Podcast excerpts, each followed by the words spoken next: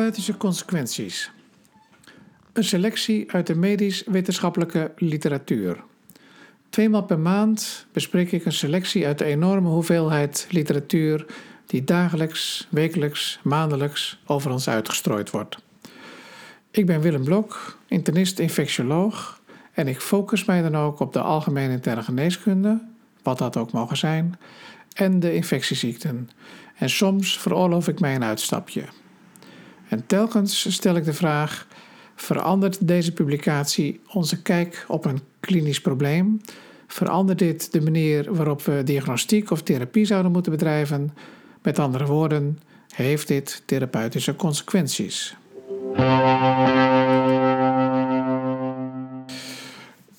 Therapeutische consequenties, aflevering 4. Het is vandaag 22 november 2019.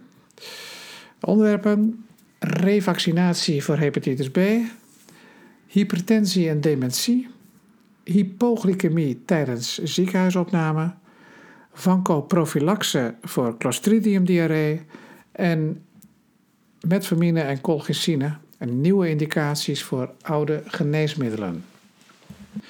Revaccinatie bij non-responders op een eerste hepatitis B-vaccinatie. Ongeveer 5 tot 30 procent van de immunocompetente mensen die gevaccineerd worden voor hepatitis B heeft geen of een onvoldoende respons op vaccinatie. Hetgeen gedefinieerd wordt als een anti-HBS-titer van kleiner dan 10 eenheden per liter.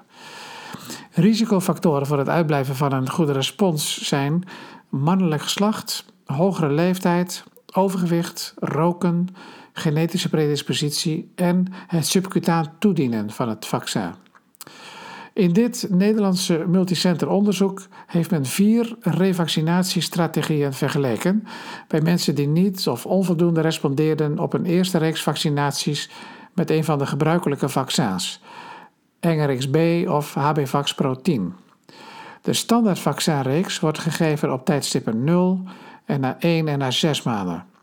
In de controlegroep werden de deelnemers nu opnieuw drie keer gevaccineerd met hetzelfde standaardvaccin dat zij eerder gekregen hadden. Dus NRXB of HBvax Pro 10. Maar nu op de tijdstippen 0 en na 1 en na 2 maanden. En telkens intramusculair. De overige drie groepen werden volgens hetzelfde tijdschema intramusculair gevaccineerd met respectievelijk Twinrix, Vendrix en HB Pro 40. Twinrix is een gecombineerd hepatitis A- en B-vaccin, waarvan in het verleden wel is gebleken dat het effectief kan zijn bij non-responders. Vendrix is een nieuw hepatitis B-vaccin met een nieuw adjuvans, een monofosferiel lipid en aluminiumzout. En HB Pro 40 is een vaccin met een hogere dosis antigeen, 40 microgram. Vendrix en HB Pro 40 zijn geregistreerd voor gebruik bij patiënten met eindstadium nierfalen. Ze hebben voor deze studie 480 deelnemers kunnen recruteren, per groep 114 tot 124 deelnemers. Resultaten? Ten opzichte van de controlegroep deden de Vendrix en de HB Pro 40 groep het significant beter Twinrix deed het ook wel beter, maar dat verschil bereikte geen statistische significantie. Om een indruk te geven, de responspercentages voor de controlegroep 62%, Twinrix 84%, HBvax Pro 40 86% en Vendrix 88%. Overigens is het wel van belang om daarbij op te merken dat je onderscheid moet maken tussen mensen die in eerste instantie helemaal geen respons vertoonden en mensen die een onvoldoende respons hadden. Dus een anti-HBS tussen de 1 en de 9,9 eenheden per liter. Die laatste groep deed het in alle vier de revaccinatieschema's eigenlijk heel goed. En bij die laatste groep viel het onderlinge verschil in responspercentages weg. Het leek er wel op dat de deelnemers die Vendrix of HB Pro 40 kregen, iets meer last hadden van lokale reacties na de intramusculaire injecties. Mooi en goed uitgevoerd onderzoek, waarbij ik als HIV-behandelaar wel een kanttekening heb. Bij de exclusiecriteria noemen ze zelfgerapporteerde immuungecompromitteerde status. Het lijkt me dat niet of onvoldoende respons op een vaccinatie op zichzelf een goede reden is om iemand te testen op HIV. En dat is hier kennelijk achterwege gelaten. Zeker uit het oogpunt van volksgezondheid een, gemiste kans, lijkt me. Therapeutische consequenties. Bij volledige non-respons lijkt het het effectiefste om te revaccineren met Vendrix of HBvax Pro 40. Bij matige responders maakt het niet zoveel uit. Overigens komt er een nieuw vaccin aan, Heplisaf B, gebaseerd op een synthetisch oligonucleotide dat afkomstig is van bacterieel DNA en dat het immuunsysteem activeert via de TLR9-code route met inductie van cytokines zoals IL-12 en interferon alpha. Het zou zomaar kunnen dat dat de toekomst wordt. Hypertensie behandelen om dementie te voorkomen. Hoe ligt de relatie tussen cardiovasculaire risicofactoren en het ontstaan van dementie? Dat is al jaren onderwerp van onderzoek. En bedacht moet worden dat de meeste gevallen van dementie mengvormen zijn van vasculaire dementie en de ziekte van Alzheimer. Specifiek naar de, naar de relatie tussen hypertensie en latere cognitieve functiestoornissen is al veel onderzoek gedaan en vaak met wat tegenstrijdige uitkomsten. In de Lancet Neurology een meta-analyse van een zestal prospectieve cohortonderzoeken, waaronder de bekende Rotterdam-studie. Ze hebben de data op individueel deelnemersniveau geanalyseerd, zodat er eigenlijk sprake is van een soort netwerk-meta-analyse. Ze analyseerden zodoende ruim 31.000 deelnemers die bij aanvang een leeftijd hadden van 59,4 tot 76,9 jaar. De mediane follow-up varieerde van 7 tot 22 jaar en in drie onderzoeken was de follow-up sowieso meer dan 10 jaar. De deelnemers werden bij aanvang ingedeeld in twee categorieën: normotensief en hypertensief. Waarbij hypertensie werd gedefinieerd als systolisch meer dan 140 en of diastolisch meer dan 90 mm kwik. De normotensieve groep bestond gedeeltelijk uit, medicijnen, eh, uit uh, mensen die al op antihypertensieve therapie stonden en dus blijkbaar al goed behandeld werden. Gedurende de follow-up ontwikkelden 3728 deelnemers dementie, waarvan 1741 de ziekte van Alzheimer, en dat gedurende ruim 300.000 patiëntjaren follow-up. Bij de deelnemers die bij aanvang in de hypertensieve categorie zaten, bleek het gebruik van antihypertensiva significant te beschermen tegen het ontstaan van dementie. Hazard ratio 0,88 betrouwbaarheidsinterval 0,79 tot 0,98. Bij de normotensieve groep bleek het gebruik van antihypertensiva geen invloed te hebben op het, voorkomen van, op het voorkomen van dementie. Ze waren bij deze analyse ook in staat om te kijken naar het effect van afzonderlijke antihypertensiva. Dat bleek geen verschil te maken. Therapeutische consequenties? Veel ouderen vrezen dementie te ontwikkelen en als het eenmaal zover is, is er geen bewezen effectieve therapie. Preventie is hier het sleutelwoord. Cerebrovasculaire schade ontstaat in de loop van vele jaren. En, het, en effectieve screening van mensen van middelbare leeftijd op cardiovasculaire risicofactoren kon nog wel eens de allerbelangrijkste bijdrage zijn aan het voorkomen van de tsunami aan dementie, die overigens volgens nog uitblijft.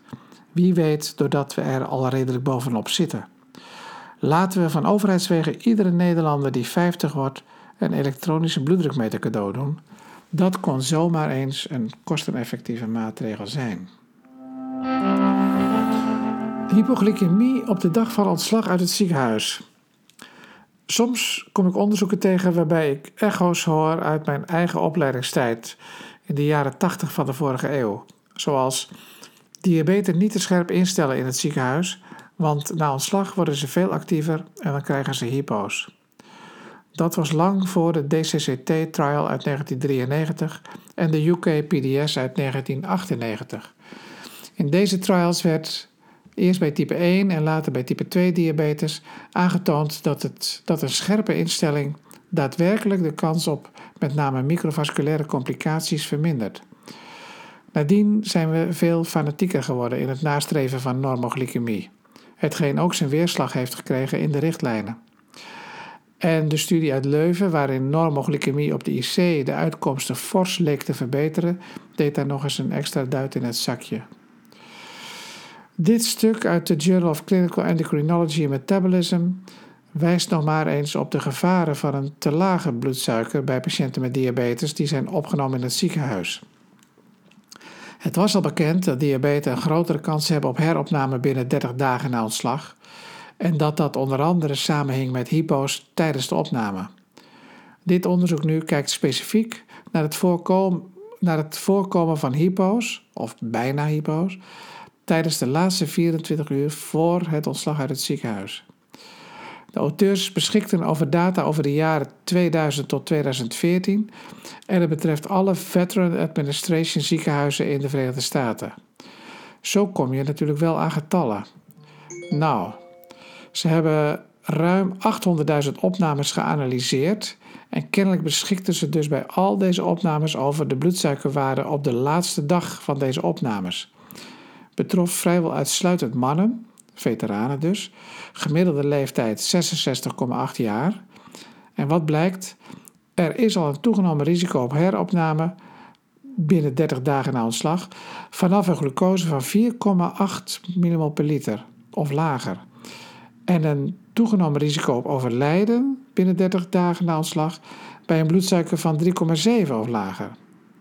En, niet verwonderlijk, naarmate de hypoglycemie tijdens de laatste 24 uur voor ontslag ernstiger was, was de kans op mortaliteit na ontslag groter.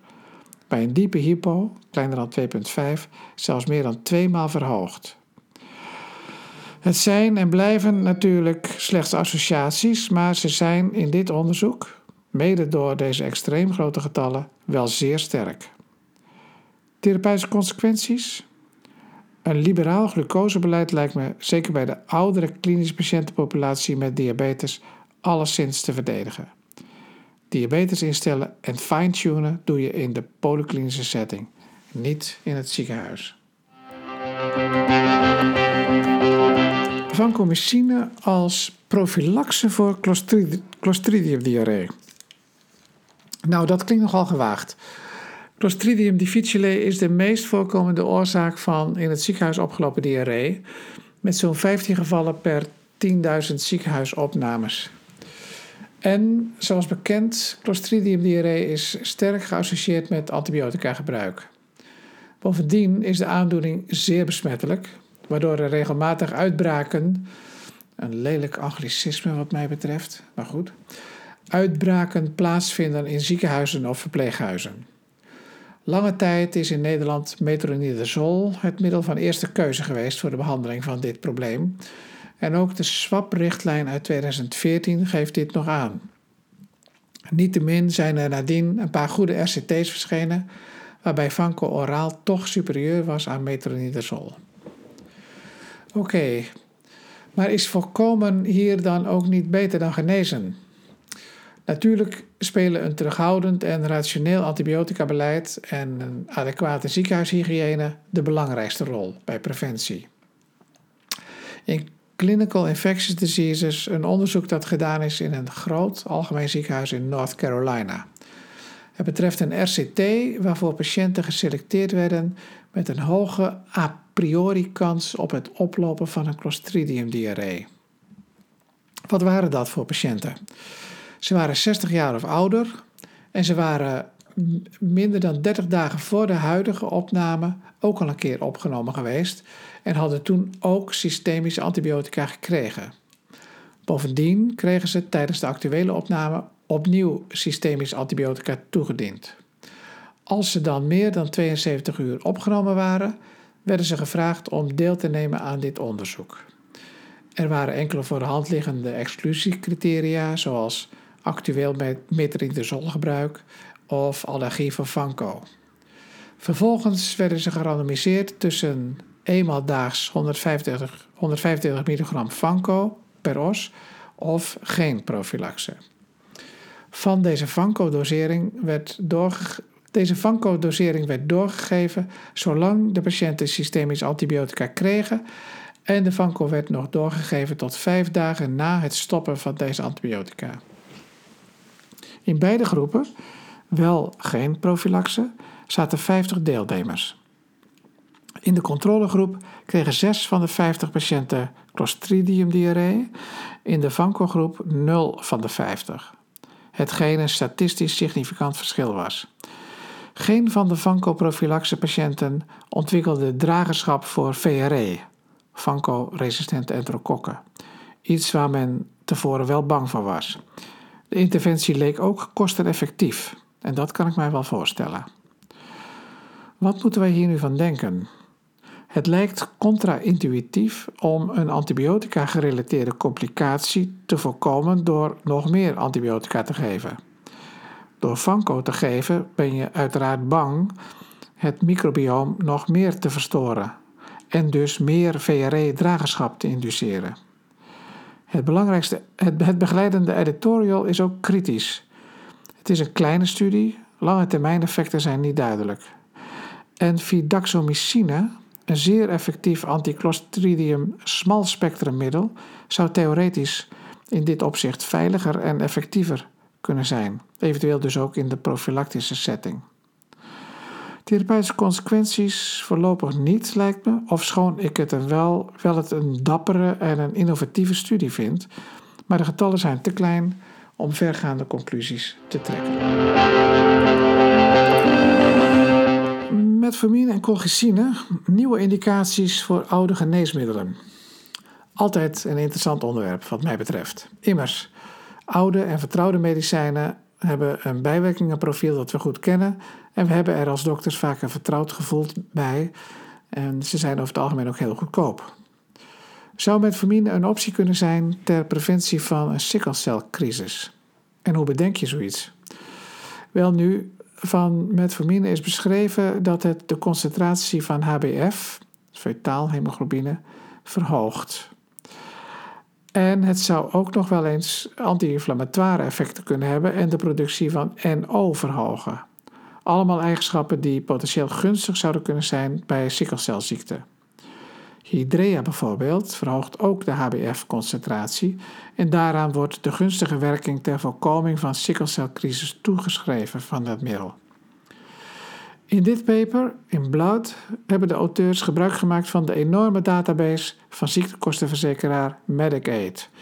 En uit een totaal van 23 miljoen verzekerden heeft men 365 patiënten gelicht met de diagnose sikkelcelziekte en diabetes mellitus. 142 van deze patiënten gebruikten metformine, 315 hadden geen metformine. Gecorrigeerd voor leeftijd, geslacht en Charlson Comorbidity Index hadden de metforminegebruikers in de follow-up periode significant minder ziekenhuisopnames en SEH-bezoeken. De auteurs hebben hun best gedaan om de data zo zuiver mogelijk te interpreteren. Niettemin blijft het natuurlijk een nogal grofkorrelige benadering met talrijke potentiële confounders. Retrospectief observationeel databaseonderzoek. Dus je kunt, er alleen, je kunt eigenlijk alleen iets zeggen over associaties.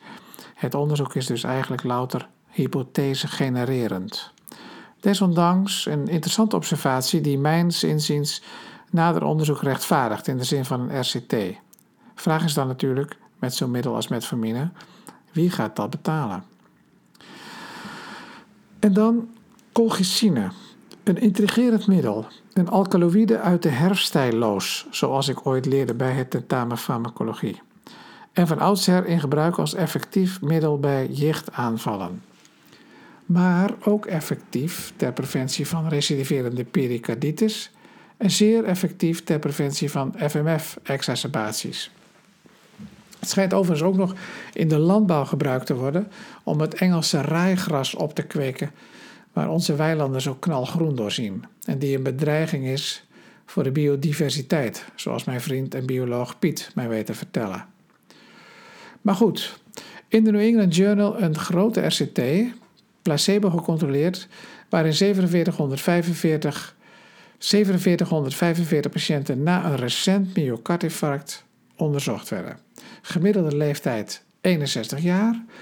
19% vrouw, 73% blank, 30% rokers, 20% diabetes.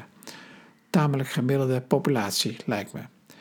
Exclusiecriteria, ejectiefractie minder dan 35%, recent CVA, type 2 infarct of recente CRBG. 93% van de patiënten ondergingen percutane coronaire interventie, een PCI. En bijna alle deelnemers stonden op een statine en dubbele plaatjes aggregatieremming. De colchicine-dosis was eenmaal daags 0,5 milligram. Het primaire composiet eindpunt bestond uit cardiovasculair overlijden, hartstilstand, myocardinfarct, CVA of opnieuw PCI. Na 22 maanden was dit eindpunt opgetreden in 5,5% van de colchicine-gebruikers versus in 7,1% van de placebo-groep. Vooral CVA en recidief angina pectoris kwamen veel minder vaak voor in de colchicine-groep.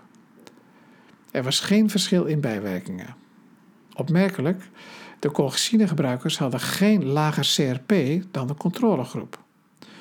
Colchicine lijkt dus een effectieve en goedkope add-on als secundaire preventie na myocardinfarct.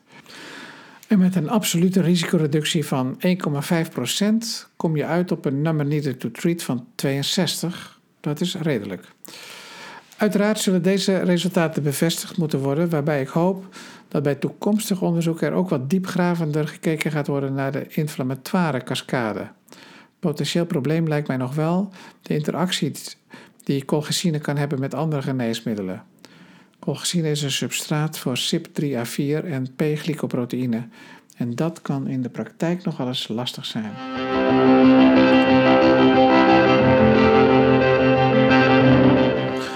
Dit was een eh, kleine greep uit de literatuur. Voor referenties ga naar www.therapeutischeconsequenties.nl. Thank